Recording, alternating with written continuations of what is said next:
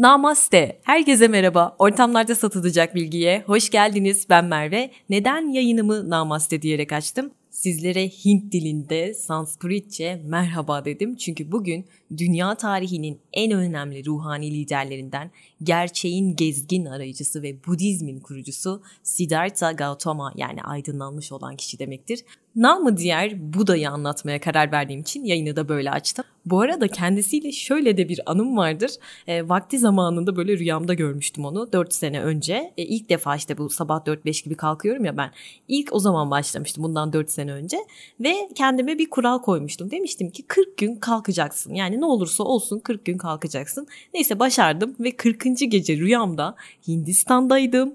E, ve kendimi orada hani dev bir Buda heykeli vardır ya. Onun ayaklarının dibinde yatarken gördüm. Böyle çok çok garip bir rüyaydı.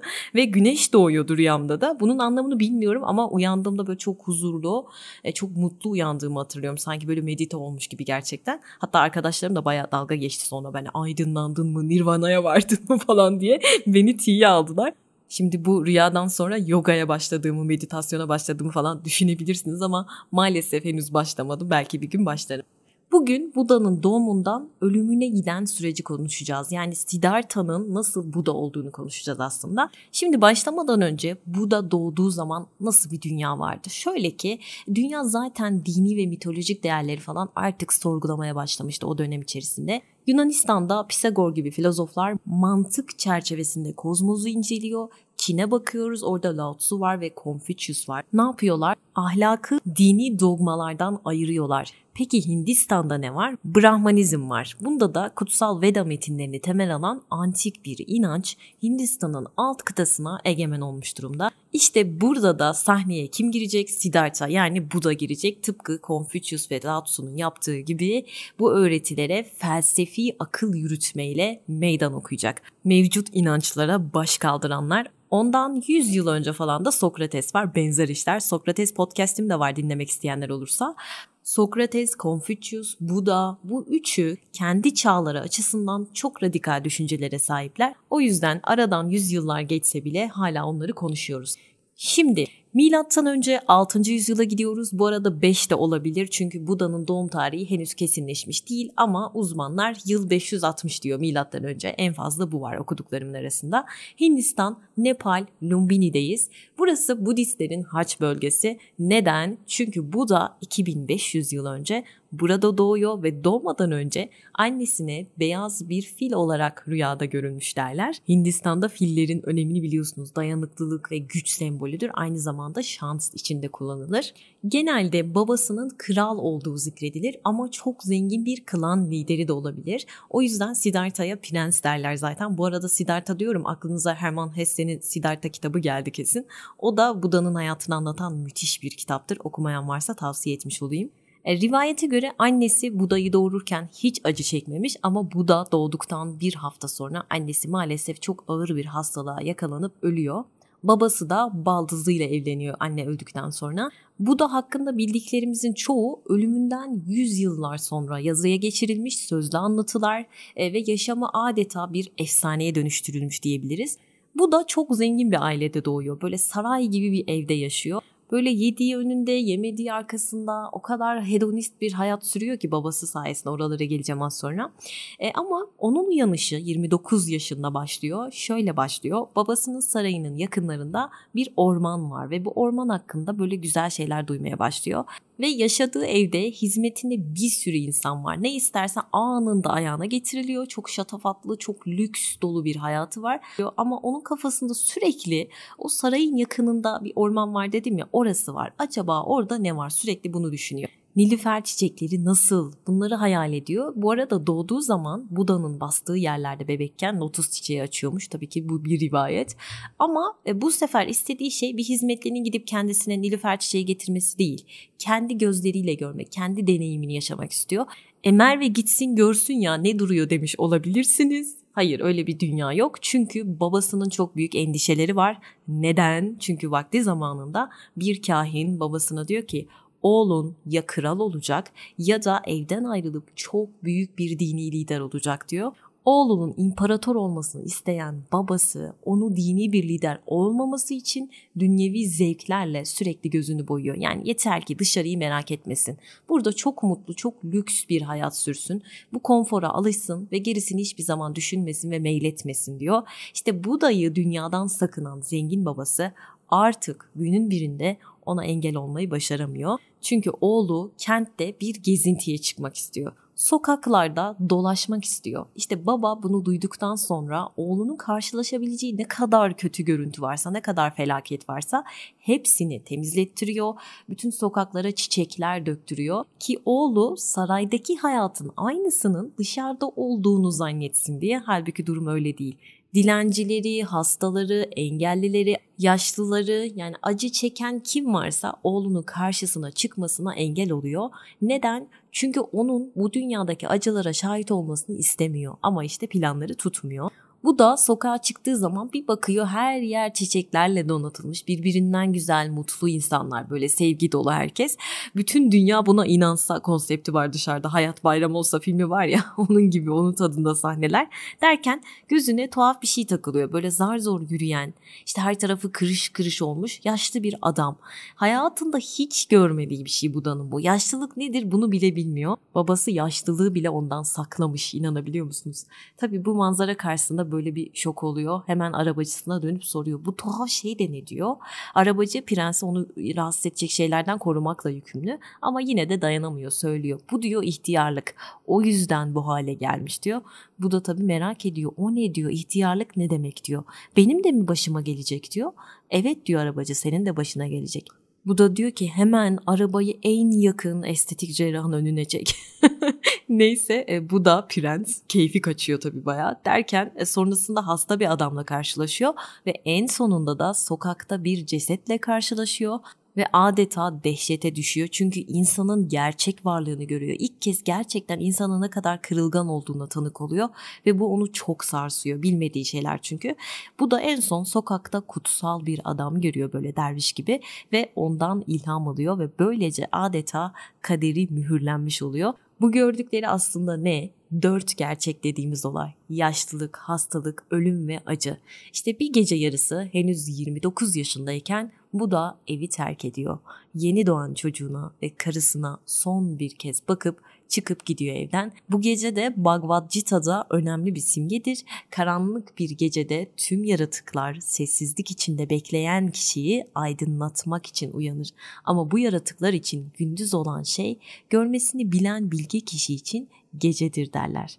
Ve bu gördüklerinden sonra hayatının yanlış olduğunu düşünüyor bu da ve hayatıyla beraberinde getirdiği her şeyle bağını kesmeye karar veriyor. Tüm zenginliği arkasında bırakıyor. Yani adeta varoluşsal bir kriz yaşıyor. Milattan önce 6. yüzyılda bile varoluşsal sancı çekenler var. Bu da büyük bir yolculuğa çıkıyor. Issız Himalayaların yamaçlarından ayrılıyor ve güneye doğru gidiyor. Gezgin bir dilenci oluyor arkadaşlar. Yani yaşamını insanların ona kendi istekleriyle verdikleriyle sürdürmeye başlıyor. Şimdi dilenci dedim diye şaşırmayın. Budacılıkta dünyadan böyle el ayak çekip tefekküre dalmak bu maddi ihtiyaçlarınızı da başkaları karşılıyor. O yüzden bizim dilencilerimizi de karıştırmayın. E tabi bu da dilenci olduktan sonra insanlar çok şaşırıyorlar. Çünkü bu kadar büyük bir serveti olan genç bir adamın böyle bir yoksulluğu seçmesi insanları tabii ki şaşırtıyor. E o dönemde tabi Brahmanlar dediğimiz Hint kast sisteminin en üst segmentinde yer alan din adamları var. Rahip sınıfı. İşte bu adamların görevi Vedaları, kadim ilahi öğretileri kutsal yerlerde söylemek. Bugün de öyle hatta. Bir de tanrılara bereket ve düzenin devamlılığı için sunular yapıyor bu rahipler. Tüm eski yazıtları da ezbere biliyorlar. Bizdeki hafızlar gibi düşünebilirsiniz. Peki bu da onlar hakkında ne düşünüyor? Buda'ya göre katı kast sistemi ve işte bu tanrılara yapılan sunular bunlar kör inanç ve nesilden nesile aktarılmış bilgiler bir gerçekçiliği yok. E, dünyadaki varlığımızı bunlarla açıklayamayız diye düşünüyor ve yola devam ediyor. Ganj'a doğru gidiyor. Burası çok önemli biliyorsunuz Ganj Nehri ve o dönemde bu bölgede çok büyük bir gelişim var. Yeni yeni şehirler kuruluyor. Sokaklar böyle altın, gümüş, inci taşıyan arabalarla dolu.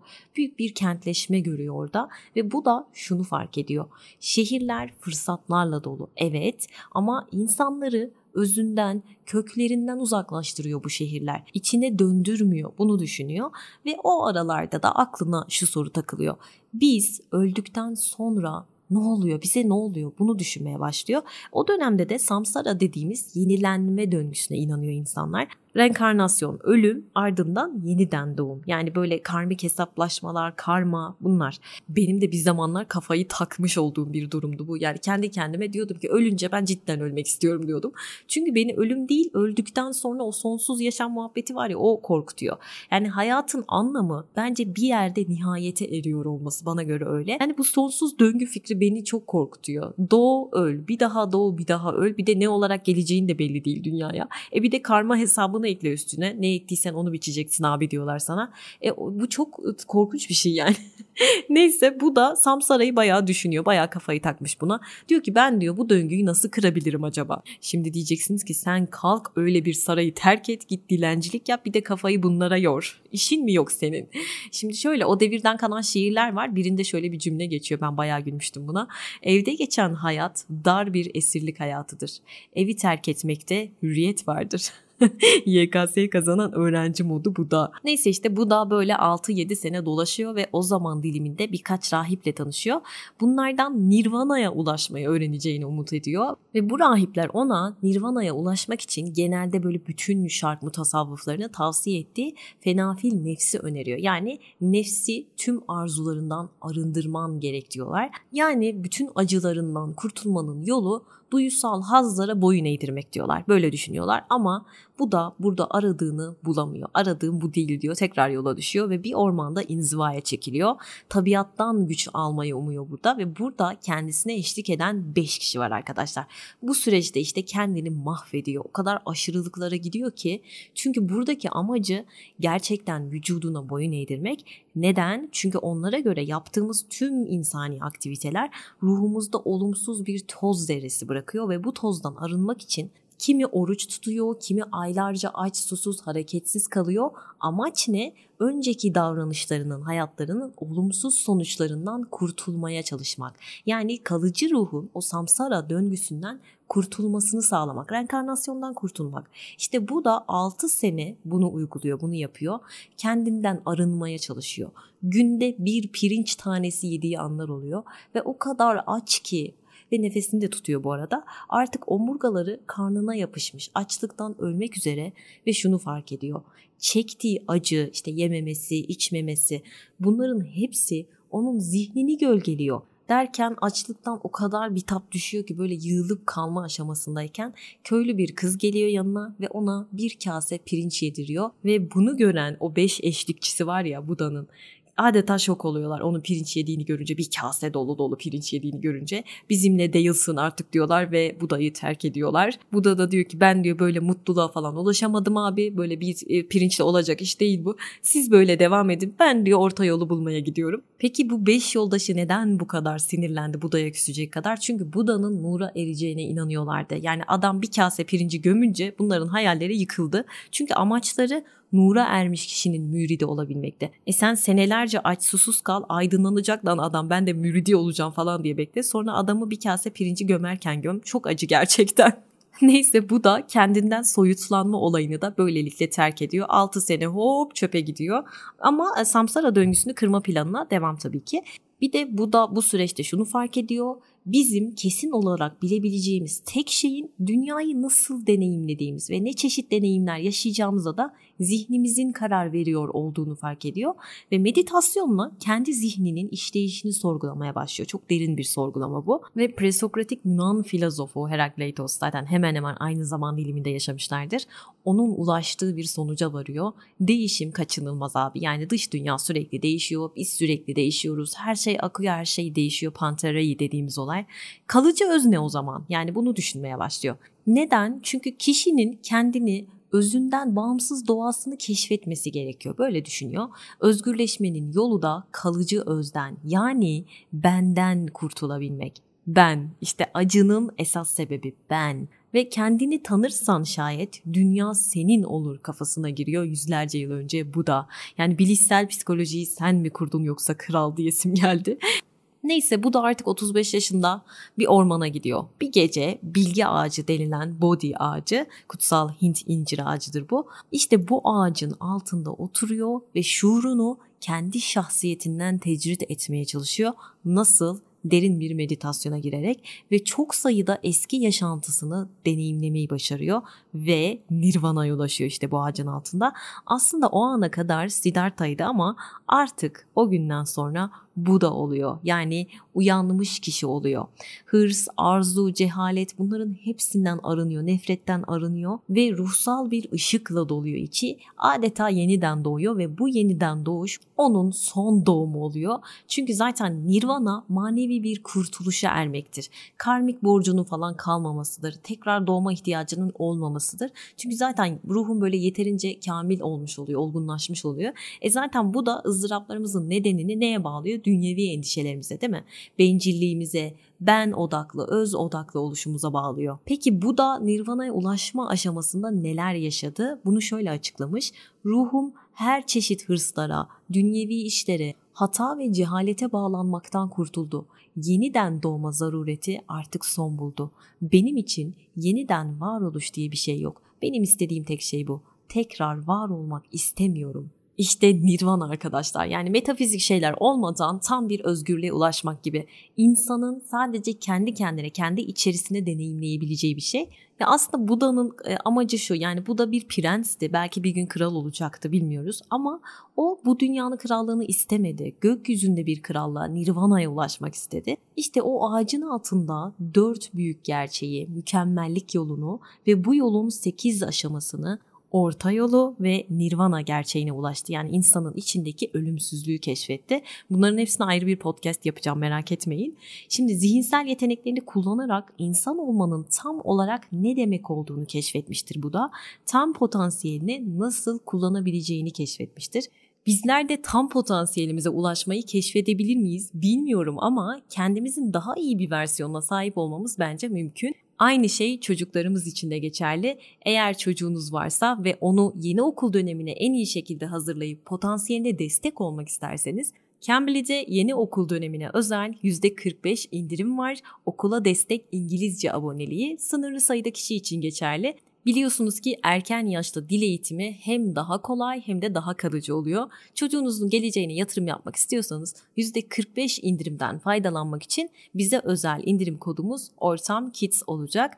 Cambly'de 4-15 yaş arası tüm okul öncesi, ilkokul, ortaokul seviyesindeki çocuklar kendi seviyelerine özel eğitmenlerle İngilizce öğrenebiliyorlar. Eğitmenlerin ana dili İngilizce olduğu için İngilizceyi en doğru şekilde duyuyorlar ve en doğru şekliyle de telaffuz etmeyi öğreniyorlar. Çocuğunuzun Türkçe okuma yazma bilmesine gerek yok. 4-5 yaş için de uygun, 6 yaş için de uygun. Direkt İngilizceye başlayabilir. İlkokul çağında olanlar da işte konuşma, yazma, okuma, anlama becerilerini Cambly sayesinde geliştirebilir olabilir. Açıklamalara bırakacağım linkten detaylara göz atabilirsiniz. Hadi devam edelim. Bu da aydınlandığı ağacın altında tam 28 gün oruç tutmuştur. 7 çarpı 4 defa sayılar önemli. Sayıların gizemi diye bir bölümüm var dinlemek isteyenler için. İşte bu ilk 7 günde 7 dikkatinizi çekerim yine 7. Bu da derin düşüncelere dalıyor. Ve 7. günü takip eden gecede varlığın ızdırabının köklerini arıyor. Ve zihninde bunun sebebinin cehaletten kaynaklandığını anlıyor. İşte doğum, ihtiyarlık, ölüm, elem, sıkıntı, ızdırap, ümitsizlik bunlar yani bunların sebep olduğunu öğreniyor. Sonra o bilgi ağacını terk ediyor, yola devam ediyor. Ha bu arada hani önceden kendisiyle uzun zaman vakit geçiren 5 kişi vardı yani pirinç yedi diye Buda'yı terk etmişlerdi. Onlar Buda'nın Nirvana'ya erdiğini duyunca Nirvana'ya ermek ne ya? Nirvana'ya ulaştığını duyunca geri dönüyorlar. Hatta ilk vaazını da onlara vermiştir. Ne demiştir Buda bu vaazda? Şunu söyler ruhani bir ömür yaşamak isteyenler için iki yol vardır. Biri zevk hayatıdır. Her çeşit hazlara vurgun olunan hayattır. Bu hayat sefil, boş ve şerefsiz bir hayattır. Diğeri de riyazet yoludur. Yani perhiz yolu. Dünyadan el etek çekme yoludur. İşte bu ikisi de çok hazin ve çok boştur. Mükemmel bu iki yoldan da uzaktır.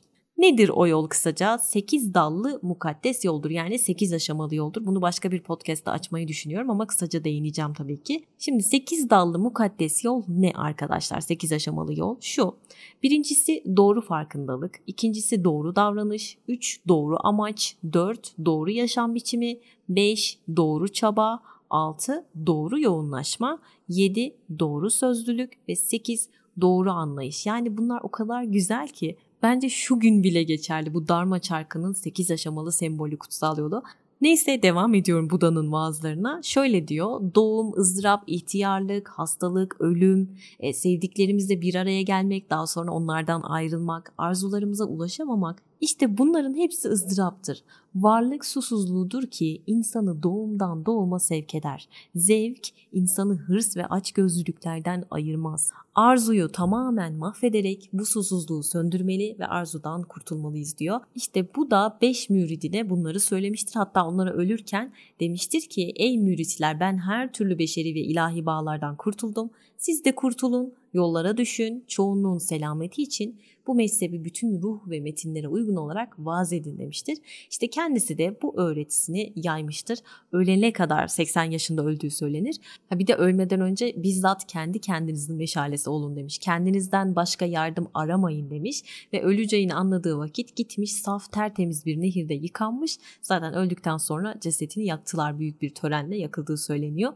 Şimdi şu orta yol meselesine değinmek istiyorum. Bu da kendini böyle dünyevi zevklere bırakmakla çile çekme arasında böyle orta bir yol olması gerektiğine inandırmış. Bu sonuca varmış. İşte ona göre bu orta yolda bizi gerçek mutluluğa, aydınlanmaya götürecek olan yoldur. Bir de şunu fark ediyor. Acı çekmek evrensel. Bu bizim varoluşumuzun bir parçası. Bundan kaçışımız yok. Bize esas acı veren şeyin ne olduğunu bulmamız gerekiyor. O bulmuş diyor ki arzu ve beklentileriniz size acı veren şeyler arzu ve beklentiniz. Neden? Çünkü onları karşılayamadığımız zaman acı çekiyoruz ve bağlılık adını verdiği arzular sadece duysal arzularımızı ve dünyevi hırslarımızı kapsamıyor. Bu arzularımızı doyurmak evet bize kısa süreli mutluluk veriyor ama uzun süreli bir gönül ferahlığı sağlıyor mu? Hayır. Hatta der ki huzur içten gelir. Onu dışarıda aramayın der bu da. Çok güzel bir söz bu. Her şeye sahip olduğunuz bir an vardır ama belki o anda çok kendinizi mutsuz hissediyorsunuzdur. İşte orada durup şunu düşünmeniz gerekiyor Buda'ya göre. İçinizde o dolmak bilmeyen yani garip bir boşluk var ya. İşte o boşluğun kaynağı ne? Buda'nın bu yola baş koymasının sebebi işte o içinde doymak bilmeyen bir boşluk olması, bir anlam arayışı, bir çözüm arayışı. İşte bunu aydınlandıktan sonra dört yüce gerçek olarak ele alıyor Buda. İlk gerçek şu, acıdan kaçış yok. Yani acı hastalanma ve yaşlanma aracılığıyla doğumdan ölüme kadar varoluşumuzun bir gerçeği, doğal bir parçası. Buna acı çekme hakikati diyoruz. Duka. İkinci gerçek şu. Acının nedeni arzularımız, duyusal hazları özlemek ve dünya nimetlerine bunlara bağlanmamız. İşte buna acının kaynağı hakikat diyoruz. Samudaya. Üçüncü gerçek şu. Acı insanın özlem ve bağlılıklarından kendisini kurtarmasıyla sona erdirilebilir sadece. Buna acının sona ermesi hakikati diyoruz. Nirodha. Ve dördüncü olarak da sekiz aşamalı yol arzuyu bertaraf etmenin ve egonun üstesinden gelmenin çaresi. Buna da acının sona ermesine giden yol hakikati Magga diyoruz. 8 hakikatten az önce bahsetmiştim zaten. İşte Buda'nın müritleri bu sayede bilgileşiyorlar ve meditasyonla sonunda Nirvana'ya ulaşmayı başarıyorlar. Zihinlerini disipline etmeyi başarıyorlar. Bir de Buda'nın başlangıçta bir amacı vardı hatırlıyor musunuz? O samsara döngüsünü kırmak, reenkarnasyonu. Ölüm ve yeniden doğum arasında mahkum kalanlar için de Buda'nın bir mesajı var arkadaşlar. Karma, karma kavramını yeniden formülize etmiştir Buda. E, bu karma olayı zaten çok önemli. Kısaca şöyle değinecek olursam fiziksel ya da zihinsel hiç fark etmez. Her türlü eyleminizin bedelidir, sonucudur. Düşündüğünüz her şeyin ya da yaptığımız eylemlerin sonuçlarını ya bu hayatınızda ya da sonraki hayatınızda mutlaka bedelini bir şekilde ödersiniz. Mutlaka hayatlarınızı etkiler der karma böyle bir kural. Ve sonraki yaşantı olayı zaten reenkarnasyon, yeniden doğuş, samsara dedik ya. Sonsuz ölüm ve yeniden doğum zinciri samsara. Hatta belgeseli de var aklıma gelmişken adı da samsara zaten görsel bir şölen arkadaşlar. Hem de doğum, ölüm, yaşam, reenkarnasyon bunları o kadar güzel anlatıyor ki ama sözle değil sadece görsel var hiçbir söz yok. Hem de kapitalizmi, Karl yabancılaşma meselesini, tüketim toplumunu o kadar güzel anlatır ki bu belgesel izlemenizi tavsiye ederim. Gerçekten gaza geldim şu an gidip tekrar izleyesim geldi. Neyse bu da bu karma samsara kavramını yeniden formülize ediyor. Neden? Çünkü karmanın yani yeniden doğuşun seviyesini iyileştirebileceğine inanıyor. Fakat Hindistan'da ne var? Kas sistemi böyle bir muhabbet var biliyorsunuz. Aşağı sınıfa yani aşağı kasta mensup olanların kendini karma ritüelleriyle falan iyileştirmesi oldukça zor. İşte bu da burada devreye giriyor ve diyor ki kardeşim diyor sen iyi niyetliysen, sen iyi düşünceliysen, temiz kalpliysen gerçekten o zaman kaderini değiştirebilirsin. Sadece bu hayatta değil, sonraki yaşantılarında da. İşte Budizmin temelinde olan şey bu. İyilik yapmak, insanlara iyi davranmak, temiz kalp.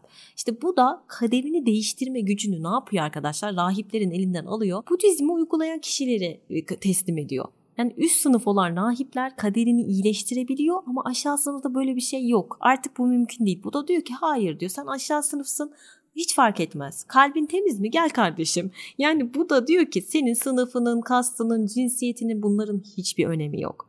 E, gel diyor ne olursan ol gel. Herkes kendini özgürleştirebilir, iyileştirebilir. Kimse samsaraya mahkum değil diyor. Yani herkesin reenkarnasyonla iyileşme şansı var. İşte bu da bunları savunuyor ve o dönem için çok radikal bu yaptıkları. Gerçekten ahlak devrimi yapmış bu da kendi zamanında. Herkes kendi bacağından asılıyor. Herkes kendi ahlakının bedelini ödüyor. Tanrı'yı suçlama gibi bir durum söz konusu değil. Her şeyin sorumluluğu sende. Yani diyor ki siz kurban değilsiniz. Her şey sizde bitiyor. Kendi kendinizin ışığı olun bu yüzden. Kendinizden başka bir sığınak aramayın. Sizler kendi kaderinizin efendilerisiniz. İşte bu kişisel özgürleşmeye giden çok büyük bir adım. Bu da sayesinde gerçekleşiyor. Bir de şöyle bir durum var. Diyelim ki önceden e, işte atıyorum ticaretle uğraşan birisiniz ve işiniz gereği aşağı kastaki insanlarla görüşmek zorundasınız. İşte o zaman siz kirlenmiş kabul ediliyorsunuz. Bunu zaten 10 kitap 10 biyografi podcastimde Gandhi'yi anlatırken e, bayağı uzun uzun anlatmıştım. Gandhi'nin küçükken o evdeki hizmetli çocukla olan diyaloglarını hatırlayın.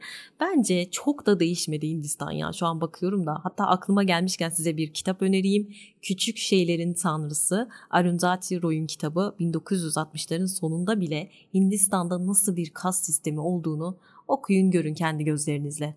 Ne diyordum ticaretle uğraşanlar? Onlar böyle aşağı sınıftan biriyle işleri gereği bile olsa temas ettiği zaman kirlendiğini düşünüyorlardı. Bu dizim bu tüccarlara da yaramıştır arkadaşlar. Sıradan insanlara da yaramıştır.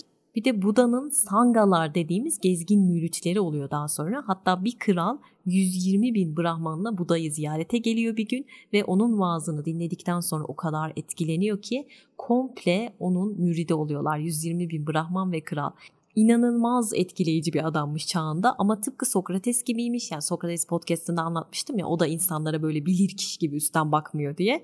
E, böyle sorularının cevabını sana bulduruyor Sokrates. Buda'da da öyle didaktik bir kişilik söz konusu değil. Yani her ikisi de her şeyi bilen bir tavırda değil. Üstten üstten bakmıyorlar insanlara. Sen de ne deyip sana yol gösteriyorlar. Şimdi diyeceksiniz ki e Merve madem bu didaktik değil de bu keşişlerin neden her gün uyması gereken 227 kural var? Evet öyle ama Budizmin ilk zamanlarında öyle pek kural kaide yok. Zamanla böyle keşiş sayısı arttıkça o uyumu ahengi korumak için bir takım kurallar tabii ki getiriliyor. Hala da bu disiplinle yaşamaya devam ediyorlar. Şimdi ben Buda'yı bu kadar övdüm okey ama e, hiç hoşlanmadığım tarafları da var. Kadınlara olan yaklaşımı. E, Hindistan'da zaten kadınlar oldukça aşağı bir sınıf olarak görülüyor kocası ölen dulların vakti zamanında yakıldığını biliyoruz. 7-8 yaşındaki kızların e, evlilik için ideal yaşta olduğunu düşünen bir ülke burası Hindistan. Bu dizimde de kadınlara tutum oldukça sert. Yani kadınların yılanla eş tutulduğunu, onların nankör ve hain olduğunu ifade eden kutsal metinler var.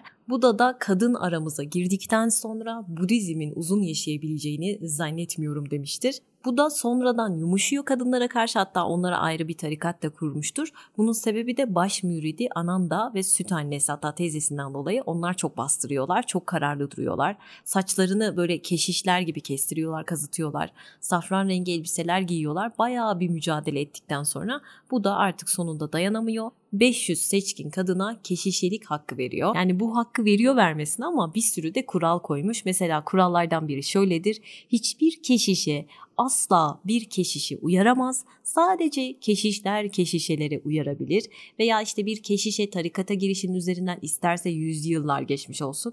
Yine de saygıda asla kusur etmeyecektir bir keşişe karşı. Bir keşiş gördüğü zaman onu saygıyla selamlayacak, önünde ayağa kalkacak, e, ellerini bağlayacak ve onu onurlandırmak zorundadır. Keşişeler keşişlerin karşısında konuşamazlar. Sadece keşişler keşişelerin karşısında konuşabilir gibi gibi gibi. Gerçi Confucius da böyle kadınlara karşı. Homeros da böyle, Aziz Thomas da böyle. Yani kadınları böyle bir aşağı görme durumları var çoğunda nedense. Neyse bütün bunlara rağmen manastıra giren ve Nirvana'ya ulaşan kadınlar var mı Merve? Tabii ki var. Yine de her şeye rağmen şunu söyleyebiliriz. Budizm'de kadının konumu Budizm öncesindeki Hindistan'a göre daha saygın ve daha onurlu. En azından bunu söyleyebilirim. Yani Buda'nın neden kadınları istemediğini de bir tık değinmek istiyorum. Şöyle çünkü keşiş olmak isteyen kişinin ilk yapacağı şey evini, ailesini, çoluğunu, çocuğunu hepsini terk etmek zorunda. E bu durumda ne olacak? Aile birliği dağılacak. Bunun endişesini taşıyor. Sanki adam evi terk edince dağılmıyor değil mi? E bir de şu var tarikate katılacak kadınların hepsi üst sınıf seçkin kadınlar, zengin kadınlar. Bunların neden dilenci olmak istediğini anlayamıyor. Sanki kendisi bunu yapmamış gibi. Yani neden bu kadar zorlu bir hayatı seçmek istediklerini anlamlandıramıyor. E bir de sürekli geziyorlar dağ bayır. Kadınların başına bir şey gelmesinden korkuyor. Hırsızlık, eşkıyalık, işte ırzına geçilme gibi bunlardan korkuyor. E bekaret, iffet çok önemli o dönem. Hala da Hindistan için bu geçerli. E kadının yeri evidir anlayışı var. Evdeki sorumluluklarını ihmal eder diye düşünüyor. İşte bunun gibi sebepler var ama burada da Buda'yı komple suçluyoruz diye bir şey yok. Çünkü toplum zaten böyle. Sadece Buda'ya mahsus bir şey değil. Tabii bunlar Budist mezhepler arasında bile değişkenlik gösteriyor kadınlara bakış açısı. Bu konuda ben Zen Budizmini kadınlar için e, en iyisi olduğunu düşünüyorum. Kadın erkek eşitliğine daha yakın bir yerde durduğu için. Şimdi Buda'nın özelliklerinden biri de şu arkadaşlar ders anlatmaz. Yani müritlerinden soru sormalarını ister Sonra bu soruları böyle kısa kısa cümlelerle, bilmecelerle, kıssalarla falan cevaplar. Neden böyle yapıyor? Çünkü Sokrates gibi bize öğretilmiş olanı sorgulatmaya çalışıyor. Zihnimizi eski alışkanlıklarından, o eski düşünce kalıplarından uzaklaştırmamızı istediği için bunu yapıyor. Peki Buda'nın öğretileri neden bu kadar çığıraştı? Çünkü evrensel bir cazibesi var. Hala bu cazibesini koruyor. E bir de daha önceden bir prensti. Nasıl bir prens her şeyden elini ayağını çekip böylesi mütevazı ve zor bir yola girdi diye düşünüyor insanlar. Bir de ayrıcalıklı bir sınıfa hitap etmemesi. En önemlisi bu. Herkese hitap etmesi, kapsayıcı olması. Bundan dolayı bu dizim bu kadar yayılıyor ve evrensel bir hale geliyor. Bu da 80'li yaşlarına geldiği zaman yardımcısı Anan da ona diyor ki sen öldükten sonra biz ne yapacağız? E bu arada galiba besin zehirlenmesinden öldü bu da. O da diyor ki ben öldükten sonra da lütfen aydınlanmayı aramaya devam edin. Ve bu da öldükten sonra ardında yazılı hiçbir şey bırakmıyor. Kim gibi? Sokrates gibi değil mi? O da arkasında hiçbir şey bırakmamıştı ve yerine geçecek birini de tayin etmemiştir. Neden? Çünkü diyor ki eğer ben böyle bir şey yaparsam birinizi birinizden üstün tutmuş olurum ve bu benim bilgeliğime yakışmaz diye düşünüyor. Bu da öldükten sonra müritlerinin kafası çok karışıyor. Çünkü artık hatalarını düzeltecek bir Buda yok. Sonra 500 kişi toplanıyorlar. E, bir davranış ve inanç kuralları oluşturuyorlar. İşte Budizm doktrini böyle oluşuyor arkadaşlar. Ama çok sonraları çok çok sonraları yazıya geçiriliyor. Homeros destanı gibi ya da işte Ramayana destanı gibi çok uzun bir süre sözlü olarak kalıyor. Neden peki? Belki de şundan dolayı olabilir. Bunun ayrıcalıklı bir azınlığın elinde kalmasını istemiş olabilirler. Sadece bizim sözlü aktarımıza, aktarımımıza bağlı kalsın diye düşünmüş olabilirler. Yazıya döktükleri zaman yozlaşabileceğini düşünmüş olabilirler. Tüccarların ele geçtiği zaman kontrolümüzden çıkabilir diye düşünmüş de olabilirler. Ama sonuç olarak bu da öldükten yüzlerce yıl sonra yazılmıştır onun hakkında sahip olduğumuz bilgiler ve öğretileri. Ve öğretileri ilk kez milattan sonra 1. yüzyılda yazıya dökülmüştür. Çok uzun bir zaman bakar mısınız? Zaten sonra Konfüçyüsçülük ve Taoculukla yarışıyor. Yani Çin ve Güneydoğu Asya'ya kadar yayılıyor. Hatta milattan önce 3. yüzyılda öğretileri Yunanistan'a kadar gelmiş Buda'nın ama Batı felsefesine pek etki etmiş mi? Hayır. Yine de çok büyük benzerlikler var mı? Evet. Nerede? Mutluluğa ulaşmakta işte o akıl yürütmeleri benzer diyebiliriz.